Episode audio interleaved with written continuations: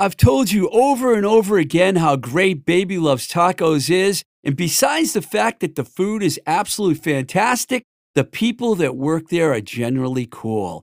They have two wonderful locations in Pittsburgh, the main hub located at 4508 Liberty Avenue in the Bloomfield section of town, and their second location, Baby Loves Tacos, Oakland, located right smack in the middle of the University of Pittsburgh campus. Every college kid needs a burrito or at least two or three tacos a day to help them study, right? If you like Mexican cuisine, Baby Loves Tacos is the place to eat. For daily updates on what's happening with the Baby Loves family, head over to their Instagram pages at Baby Loves Tacos Bloomfield and at Baby Loves Tacos Oakland. Or if you're anywhere near Pittsburgh, stop by Baby Loves Tacos, tell them Twisted Rico sent you. Baby Loves Tacos, where everybody eats.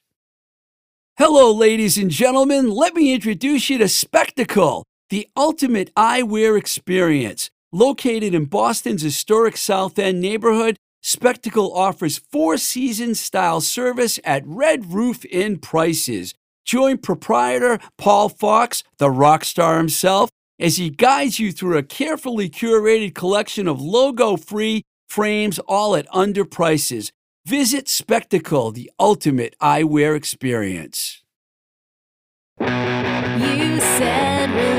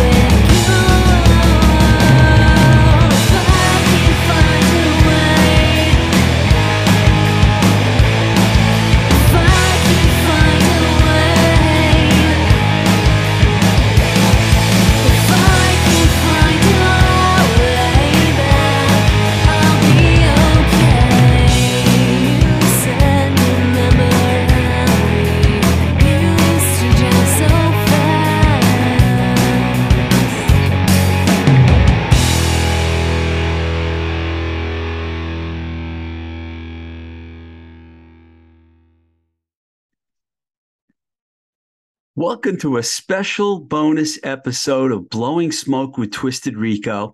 I'm your host, Steve Ricardo. You just heard the song Beach from the Jack Lights. Really cool up and coming band. I just saw them recently live. Really cool band. Keep your ears open for them. How's everybody doing out there? If you're in southwestern Florida, best wishes for a speedy recovery from Hurricane Ian. Very sad what's happening with water rising and people's livelihood now being tested with every storm. It's a dreadful situation that we're looking at for the future here. So please, uh, if you can help those people out down there, help them out. Hopefully they'll recover somehow. It's going to be hard to have a full recovery after that nightmare. Today, we talk to my good friend, Zach Shell, who runs Baby Loves Tacos in Pittsburgh, PA, along with his wife, Kat. Zach and I had a nice conversation about the TV show The Bear, how fitting, and what life has been like for Baby Loves Tacos since the pandemic. It has not been easy for mom and pop stores and Zach's story is an inspiring one for sure. He proves to us that you can survive under almost impossible conditions and rise above and be stronger than ever. So, without any further ado, here's our conversation that Zach and I had very recently. Check it out. Oh, yeah. Nice. How are you? Doing well, man. How you doing this morning? Good. Did I see someone hiding in the back seat back there? Who's that? Is that Kaz? What's, What's up, up, big dude? dog? What's I- I- up?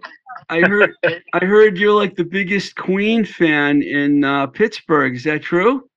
Yeah, it's true. How long did we listen to that Queen album this morning? An hour. We we listened to it for about an hour. We were setting up. Wow, which album? Night at the Opera? Yeah, and um, Kaz has uh, really gotten into Queen so deep that he's even discovering the uh, Muppets remix of Bohemian Rhapsody. of course he is. He said he said it's getting deep. It's, it's like we're going to He, he said we're going to the back of the internet to find this stuff. well, that's good, That's man. Yeah, that's what he just said. How you doing, man? Once I'm doing great, man. Once you de- once you take a deep dive in the Queen, man, you can go to all kinds of places. It's a really incredible band. So, I saw them three times with Freddie, once with uh, Paul Rodgers, and I even went to see him with Adam Lambert. What? The guy from Maroon Five. I guess he stood in for Queen. Wait, I think he's up. He, Kaz was kind of up, disturbed about Adam Lambert playing in Queen, but I, I was disturbed too. Kaz said the only person he could really see sliding into uh, Queen was David Bowie. Yeah, Maybe. unfortunately, he's down under the ground with Freddie. so, Yep. Yep. Yep. but uh, yeah, I, w- I didn't really want to go see uh, Queen and Adam Lambert, but my sister had two tickets and she convinced me to go. And then when I saw it, I was like, wow, I was I, obviously I was really surprised. They couldn't have picked a better guy for the job than him. I was shocked. Yeah, we're we're not too uh, proud to say we sing along sometimes. To when mom puts on Maroon Five, I we, mean- we reluctantly sing along. say, they're very talented, but if they started Bohemian Rhapsody, they, they couldn't even get five dollars off of it. He said he couldn't even make five bucks if he had to play recover Bohemian Rhapsody. But uh, what's going on, man? We've been Well- listening to the podcast, and it's been pretty awesome, man. Yeah, that, well, that guy you had from um, Hollywood last week, Frank forget Meyer. Oh, he was awesome, man. Yeah, I know. He Really- was he's a trip, man. That was that I ended up watching Trancers, you know, and now I'm gonna watch Yeah. the next six of them because it was so Yeah. good, you know. Yeah. So um I wanted to talk to you about a couple of specific things here, Yeah. if you don't mind. Yeah. Um, Yeah. The first is the bear, which is described as it's the TV show The Bear Yeah, yeah. Des- described as a young chef from the world of fine dining comes home to Chicago to run his family's Italian beef sandwich after the suicide of his older brother who left behind debts, a rundown kitchen, and an unruly staff. It's all it's you know stars Jeremy Allen White, who many people know as Lip from the American version of the TV show Shameless. I, I, the minute I started watching it, Zach, I thought of you, and I had to get your impression of that show because I know you've probably watched Yeah. it. Right? Yeah, yeah. So Kat and I, my wife Kat and I, we watched it, and um, you know, I'm like not normally like a big fan of that kind of stuff, but it, I think they did a fairly accurate job. I mean, the only difference is like not everyone who works in a restaurant is like, you know, the beautiful people as was depicted in that show. You know, everyone was like good looking stuff. No one really said anything like out of out of character that often, but um, in terms of the storyline, it's pretty cool, and um, I thought they did a good job of like zoning in on like the intensity of I mean, you know how it is when we work together. The intensity of like handling like a rush when, you know, you've got to line out the door and more tickets than you know what to do with. Um, I think I thought they did a really good job of that. Like the filming and sure the editing like was probably you know up up there with some of the better shows that I've seen. I also like really appreciated that. I assume it's just going to be one season. I, I appreciated that they didn't, um, you know, that they didn't like drag the thing out. Like they they kind of put a nice a nice bow on it in the end. Um, and uh, I don't know, man. That's sort of like the dream is to, uh, you know, if you if you fuck up, like leave your family some money in uh, tomato sauce jars. Well, I hate to disappoint you, but it's been renewed for a second season. oh, really? Okay. Yeah, because Okay. the restaurant's now going to be called the Bear, and that's what they're going to cool. do do with it. I mean, I know, I know, B- Baby Loves Tacos was, you know, from my couple of years working there, was a little more tame than this while I worked there. But I did see some cre- crazy stuff happen along Oh, the yeah. way. If you, Oh, I know when you were working in Philadelphia, because I know you were out there for a while. Were you ever in an environment that was kind of crazy like that? Yeah, you know, like you met me like long after those days, you know, when I was when I was sort of that guy. Um the one thing I have to say is that I've like always managed to steer clear of like the like, you know, violent sort of mental health cases uh as appeared sort of like in that show. I think there's like an old guard of chefs and restaurateurs where um you know, they obviously didn't know how to like communicate, so they threw pans and screamed and cursed and fought and this and that. Um, the environments that I worked in were just as intense, if not more intense. But we always sort of found a way to like get through, and then we just go out and party and um, you know mix it up then. But uh, yeah, I definitely can relate to the intensity of it and sort of like not knowing where to put um, you know your feelings and uh, also just being like kind of stuck in a rut, as was like his cousin up there. I forget the guy's name, but the guy's just jammed up and um. Yeah, he yeah, was I could, crazy. I could, yeah, I could relate to that. So, But he, he was one of the important parts of that show. Him and the Yeah. the, the girl that he had be his manager. I don't Yeah. remember all their names, but yeah, um, I, I I know I you know I've I witnessed some you know things getting dropped and broken things. But the thing that reminded me, made me think of an incident the most that Baby Loves Tacos was when it involves the spaghetti sauce. And I don't mean opening Oh, the cans at the end, but it reminded me that there's always going to be someone that could walk into a taco shop and want ground beef on a hard shell taco. oh, 100 percent. You know, you know how they didn't want to get rid of the, the spaghetti sauce because they were afraid that they would alienate people. Would it, it's just like you know we couldn't get rid of the ground beef in the in the hard shell tacos because Yep. Barb, I think that was her name, would have Oh, been yeah. upset. Yep, 100 percent, man. Did you uh besides that what I remember about that is there a people is there a, you know you you have a pretty high end situation you know with your, with your style of uh Mexican cuisine how I try and describe it whenever I talk about baby loves tacos uh, what do you do I mean what do you do when you get a lot of you know you get these people that refuse to like obey you know not obey but go by the menu but they want to go off the menu and Yeah, old school or whatever yeah, yeah. I'll tell you. I'll tell you what, man. I think over the years, the thing that we've we've learned, and like maybe maybe something that like that show will sort of illuminate over time, because it seemed like that I forget the girl's name, the like younger. She was the sous chef. She came in, the younger black Yeah. girl who ended up leaving. I I'm maybe I relate a little bit to her as well, um, where like this sort of newer generation, and I'm sort of like stuck in the middle. You know, I'm 40 years old, so I grew up with a little bit of the like angsty chefs who didn't know how to, you know, uh, communicate their feelings. Um, but then I also sort of spent enough time working with people who tried to handle things in a little bit of a more nuanced way, and um, maybe had like a broader sort of emotional intelligence than uh, the old guard um, I think like we've always just found a way to sort of poke fun at them without them being offended. You know what I mean? So like Barb, that lady Barb, for example, she worked in uh, maintenance in the hospital, and she used to just straight up steal cleaning supplies and these super cheap, terrible, shitty uh, uh, trash can liners that would fall apart the second you even put anything in there. And uh, then she'd bring her own crunchy beef shells, which we didn't serve. And sometimes she'd even bring her own ground beef and like, yeah, wanted you to cook it. I mean, she was just fucking insane. So I think like a lady like Barb was a great example of someone we just like we just fucked with her, man. We just like make up stories and just entertain her. And um, you know, a lot of times like she didn't even realize that we just took took the stuff she gave us and maybe hid it in the back for two years or, or threw it in the dumpster.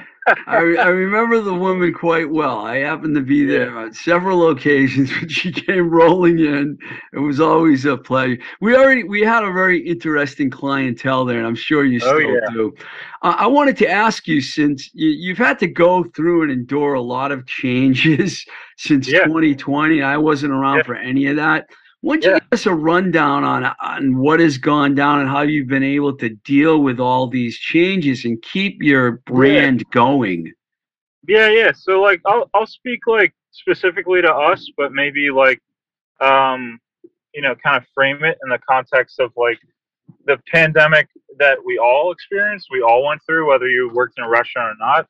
I think that like one of the more um, challenging aspects to the pandemic for us, and probably not too dissimilar from people who are in the music business, live entertainment business, things like that, um, is that like it's it was almost impossible to um, do your job without interacting with people. Even if you were able to prep, you know, prep the food and cook the food by yourself, right? Which I did. You still had to like somehow get it to a customer, right? So there was going to be some kind of insane, you know, negotiation of, you know, wearing a mask and putting the food on a counter, right? And like the customer waiting about 10 feet away until you put the food on the counter, you know, and then you run away so that you don't breathe on each other, even though you have masks on, you know. And then and I don't know if you remember in the beginning, people thought that it was like the cooties, so you had to spray everything 700 times. They got that like- part wrong. Yeah, it was like you know Howie. They must have listened to Howie Mandel. You guy's are germaphobe, and it was like that. And uh, you know, so it's just like um, that was obviously tricky for everyone, and for restaurants, you know, very tricky as well. I mean, I know people, musicians who uh, they couldn't play with their band, but maybe they could sneak on and do like an acoustic set because they wouldn't be near anybody. Um, that kind of thing. Um, so yeah, that was crazy. But the biggest thing, and I'm not bitching and complaining because it's kind of like pointless uh, right now. But the biggest thing was we had just opened up a second location um, two months before the pandemic. So um, those first two months of the new location were phenomenal. We were doing almost double the the sales that we You're did. talking at about our- your Millvale store, right? yeah, Yeah. yeah, yeah, and it was a beautiful space, and um, you know everything was like looking pretty good there. And so then COVID happens, right? And the, the biggest issue was to get this PPP money, right? To get this like grant money, which a lot of people it's now free money. You had to have year to date sales, so you couldn't Ah. like you couldn't just like open a place and then a month later get PPP money. Like I don't actually know a single person who got PPP money who had opened up a business within a few months or uh, in most cases even a year. So, you know, we were like super fucked. I mean, I submitted the, the paperwork for Millvale and it's like shot it down right away because we had we had like actually a little less than two months of sales to show. And um and then the other thing that happened was the Bloomfield location, the year of COVID, we transitioned because we needed to keep people paid. We didn't put people on unemployment. Like fuck that, man. If we're going down, we're all going down. So I wouldn't have felt good like, you know, driving by in my car and seeing employees taking the bus. So, you know, what we did is we just got creative. And so we did these take home meal kits that would feed like two to three people. And I'll tell you what, man, we never had internet online ordering. And my wife Kat and I, just put our heads together and we made it happen. So three days a week, we would um, get these emails with email orders because we didn't know how to do online ordering. And my wife, Kat, would call these people back, confirm their orders, and run the credit cards over the phone. And I'd be standing there and I'd run, run the credit card in. And then that night, I'd go to Restaurant Depot, I'd buy what I could buy. I, I dealt with one farmer, uh, Todd from Tiny Seed, um, and bought like greens from him, but most of the like cool, fun stuff had gone away, and you're just trying to stay in business. So I was getting most of my stuff from Restaurant Depot, and I go and I get the stuff at like three or four o'clock, and I'd have to prep the stuff until like two in the morning, right? And I'd have to portion everything out. So the thing is, we have an, a good following, which I'm grateful for. But I was cooking and prepping and packaging um, between 60 and 80 kits. So that feeds two to three people. So that would feed between 120 and uh, uh, 240 people, right? Depending on on Were the you doing numbers. this all alone? all alone. All Wow. alone. So we were working six days a week.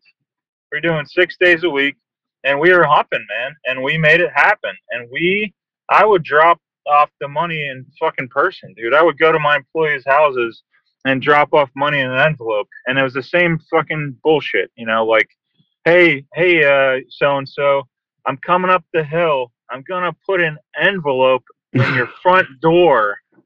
I'll let you know when I do it. I'll text you. Make sure you go out and get it so no one steals it or whatever. You know what I'm saying? And so it was like the same thing. It was the same thing as dealing with the customers. So we kept everyone paid, man. And like fuck fuck your your buddy Donnie um, not your buddy, but you know, fuck Trump. Fuck Trump. fuck Biden. Fuck Biden, even though he wasn't in there. fuck all these fuckers. Like the Democrats are cool. I'm a Democrat. Yay, Democrats. But the way that this shit was handled was so ridiculous. In Europe and even parts of South America, instead of doing this PPP bullshit, which just favored people with enough money to have good accountants, other countries literally deposited the money into the bank accounts of the businesses. Like, we pay taxes. You have my fucking information. You know what I mean? Put that shit in the fucking mail or in my bank account, and then I'll pay my people. I'll pay my electric bill. I'll pay my rent. You know what I'm saying? And uh, I'll pay the farmers. We were like bailing out farmers. I mean, it was insane. We're bailing out farmers, but it was in a way, which is good, but it was in a way where farmers had to have enough know-how that they were contacted by local government, by states, right? PA Department of Agriculture forever, for example, were paying farmers literally just to take whatever they had that they were growing, which is a great idea, right? So you're getting these boxes, like Millvale Borough, for example, got these boxes, and it was like whatever the fuck the farmers had. So it might be a box full of onions, a box full of potatoes, and then the state, PA Department of Agriculture, got money from the government and then from the state, and they paid these farmers to produce the food. And then the food was given to people in need. Anyone could get it, no questions asked. Why the fuck did we need the government to be involved in this? Like the local government. Why didn't the the IRS or the Fed or whatever just cut a fucking check and put it in the bank? Why did we need to get three three other and you know entities involved? So this happened for farmers, this happened for restaurateurs, this happened for everybody, right? And I know it happened for musicians and artists and teachers. I know it happened for everybody. But the way that it affected small businesses, and I'd say in particular, mom and pop restaurants, people who were on a shoestring budget, people who didn't have money to get these fucking creative accountants, they're all fucking crooks anyway. They're all crooks. I'm not being cynical. They're all fucking crooks. I mean, if you looked at what happened with Ruth Chris Steakhouse, they got all these millions of dollars for fucking nothing. You know, it happened all across the board that the biggest the biggest businesses got the most money. And a small business is apparently less than 500 employees. Like, get the fuck out of here. Like, that's not small, you know? So, anyhow, we found a way, man. We found a way. And since it, uh, uh, sorry for cursing, by the way, but uh, we found a way. And when things loosened up, we did more, you know? And we we masked and we put up the shields and we stopped letting people into the restaurant. We knocked out a window and put in a takeout window, and you know what I mean. Like, we found a way, and I I actually am in the camp of we, as in my business, are in better shape now in terms of how robust our business is than before the pandemic. But we hung out on by our dear lives. You know what I'm saying? And the costs were tremendous. I lost hundred and thirty thousand dollars. Wow. I just I want to top o- add on to what you're saying by I know from keeping in touch with you that what you went through and I'm I, I think it's incredible the way you handled everything and how you're still there because some people aren't there anymore. They're gone.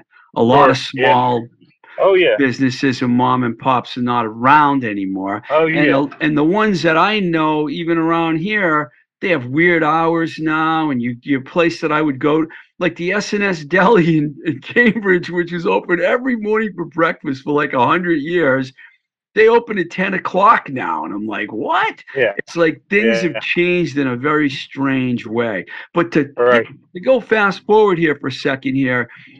To, tell us about what's going on now because you got a big change going on in your business that I think is incredible. Yeah. So yeah, real quick. Uh, and sorry for dragging out. I, I just you know I like to talk when it's about No, something I care no, it's all it's all valuable information. It was Yeah. all good, valuable information. yeah. Pe- People But need yeah, to so right know. now what we're right now what we're up to. So one, okay, so like two, okay, two things happened during the pandemic. The first thing was, uh, you know, we we got we were already super committed to our employees and to our business and to ourselves, but we got super duper duper duper committed to uh, making making enough money to stay in business, right? Which previously, obviously, you care about that stuff and that's important. But you know, as you probably know from working with us, that wasn't our number one priority. It probably wasn't even in the top three, right? It was like, hey, do the work, the money will follow, the sales will follow. Well, we found it, and we were never really frivolous. We just paid people really well. And, you know, if you're going to be frivolous, that's a good way to be frivolous. But we didn't really look at how can we hang on to as much money as humanly possible while paying our employees as much as humanly possible. You know, so what we had to do was really take a look at the numbers, cut whatever fat we could. The second thing we did is we had to figure out how can we make this business more robust? And that meant how can we generate more revenue? And how can we have other streams of revenue? So the first thing we did was we figured out the online ordering. So we started doing online Mhm. ordering.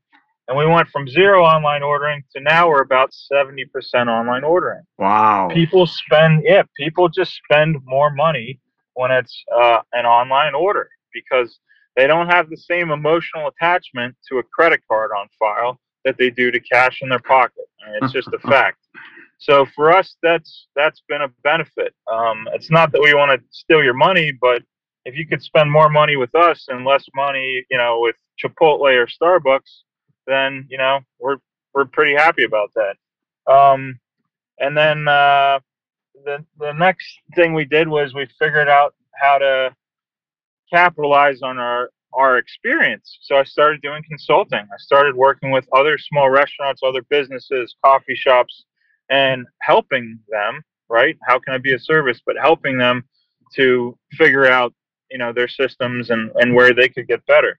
And you know, in some cases, making a little money up front. So the last thing we did was we we figured out um, that we could start wholesaling our breakfast burritos. So we started wholesaling breakfast burritos to like four cafes. Oh wow. So we're doing that. awesome. Yeah, so doing that. That's paying the rent. Um, and then the last thing we did was we sort of not officially franchised, but we worked with our friend Gary Musisco, who wanted to open up his own place, and we helped him open up a Baby Loves Tacos in Oakland, University of Pittsburgh area. So he opened that place. It's open for about 11 months. Then he, uh, his partner had a baby, and uh, so we we slid in. You know, he wanted out. It was a little bit too much work for him, and we slid in, and uh, so we just took it over. So we just took took over the Oakland spot, today is the first official day that we're open. Nice. We'll be, we'll be open at 11 a.m. What's the address? What's the address for the people in yeah, one, Pittsburgh? that- 116, 116 Meyran Avenue in Oakland between Forbes and Fifth. It's uh, right on University of Pittsburgh campus. So we're gonna do real well, man. We're excited. Awesome. And We're we're also opening up a sandwich shop right next door to our original location in Bloomfield. So that should be open hopefully in two or three months. So we got a lot going on. It's going well. We got a partnership with Kelvin Coffee also. Uh, that's gonna be happening in the next month. So we got a lot going on, man. It's going going pretty good. That's fantastic, man. I know you're busy, so I'm not going to keep you much longer, but I wanted to get an update from you because you've been an Yeah. amazing supporter of the Blowing Smoke with Twisted Rico podcast Yeah, since day Right. one. And I want you to know how much I appreciate the support that you've been giving the podcast. Because if it wasn't for you, man, I wouldn't I wouldn't have been able to keep this podcast going. Hey man, oh, we appreciate you, dude. I got Hey. to bust a move and uh get open in the shop. Thank you very much, man, for your time. Yeah, I appreciate it. You said some really good stuff, man. Thank you very much, and Hey. good luck, Hey, good dude. seeing you, bud.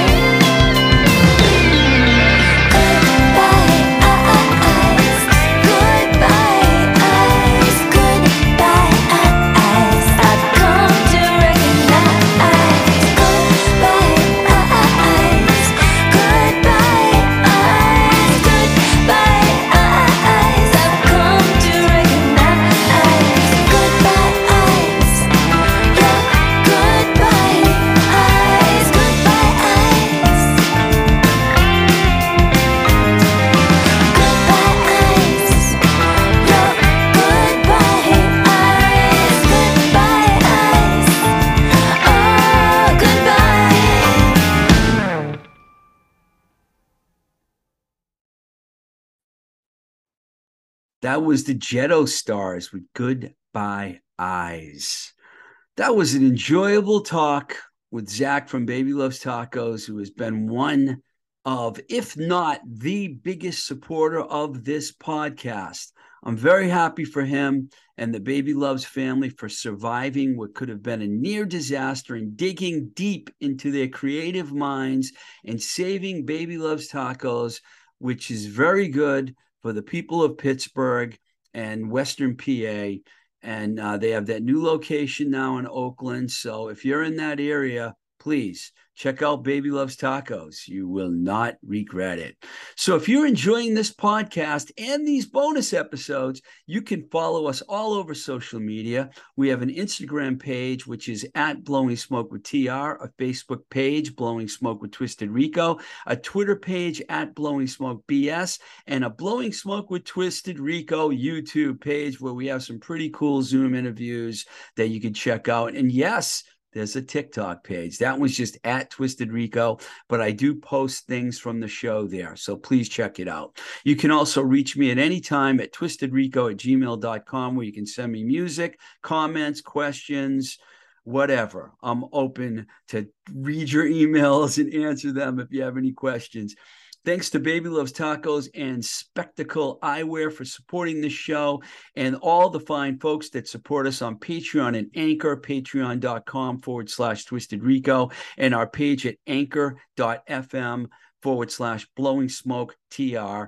Please consider joining the fund for as little as $1 a month. All right. Till the next time we say goodbye.